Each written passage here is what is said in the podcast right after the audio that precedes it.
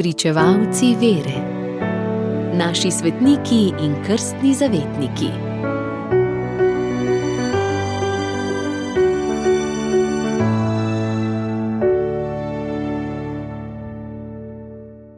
Današnji godovnjak, sveti Edmund, kralj, je umrl leta 870.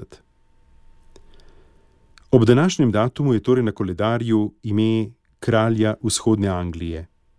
Rodil se je v saški kraljevi družini leta 841.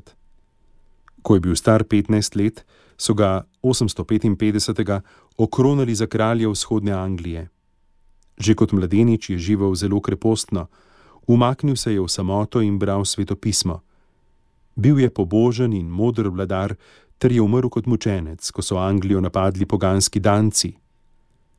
Najprej jih je premagal, potem pa so se vrnili in kralja ujeli. Uklenili so ga v verige in ga gnali pred svojega poglavarja. Edmunda so privezali k drevesu, streljali van z loki in ga prebodli s puščicami, kot nekoč svetega Boštjana. Potem pa so ga še obglavili. Angleži ga česte kot svojega narodnega svetnika. Posvetili so mu samostan in opatijo, ki jo je leta 1020 ustanovil danski kralj Knut, da bi popravil zlo, ki ga je Angliji prizadejal njegov oče. V tej opatiji, opatiji svetega Edmunda, je tudi njegov grob. Njegovo češčenje je zelo razširjeno tudi v Islandiji. Svetnika običajno upodabljajo skupaj s svetim Boštjanom, privezanega k drevesu in vsega prebodenega s puščicami. Pogosto je prikazan s krono na glavi in s šopom puščic v roki.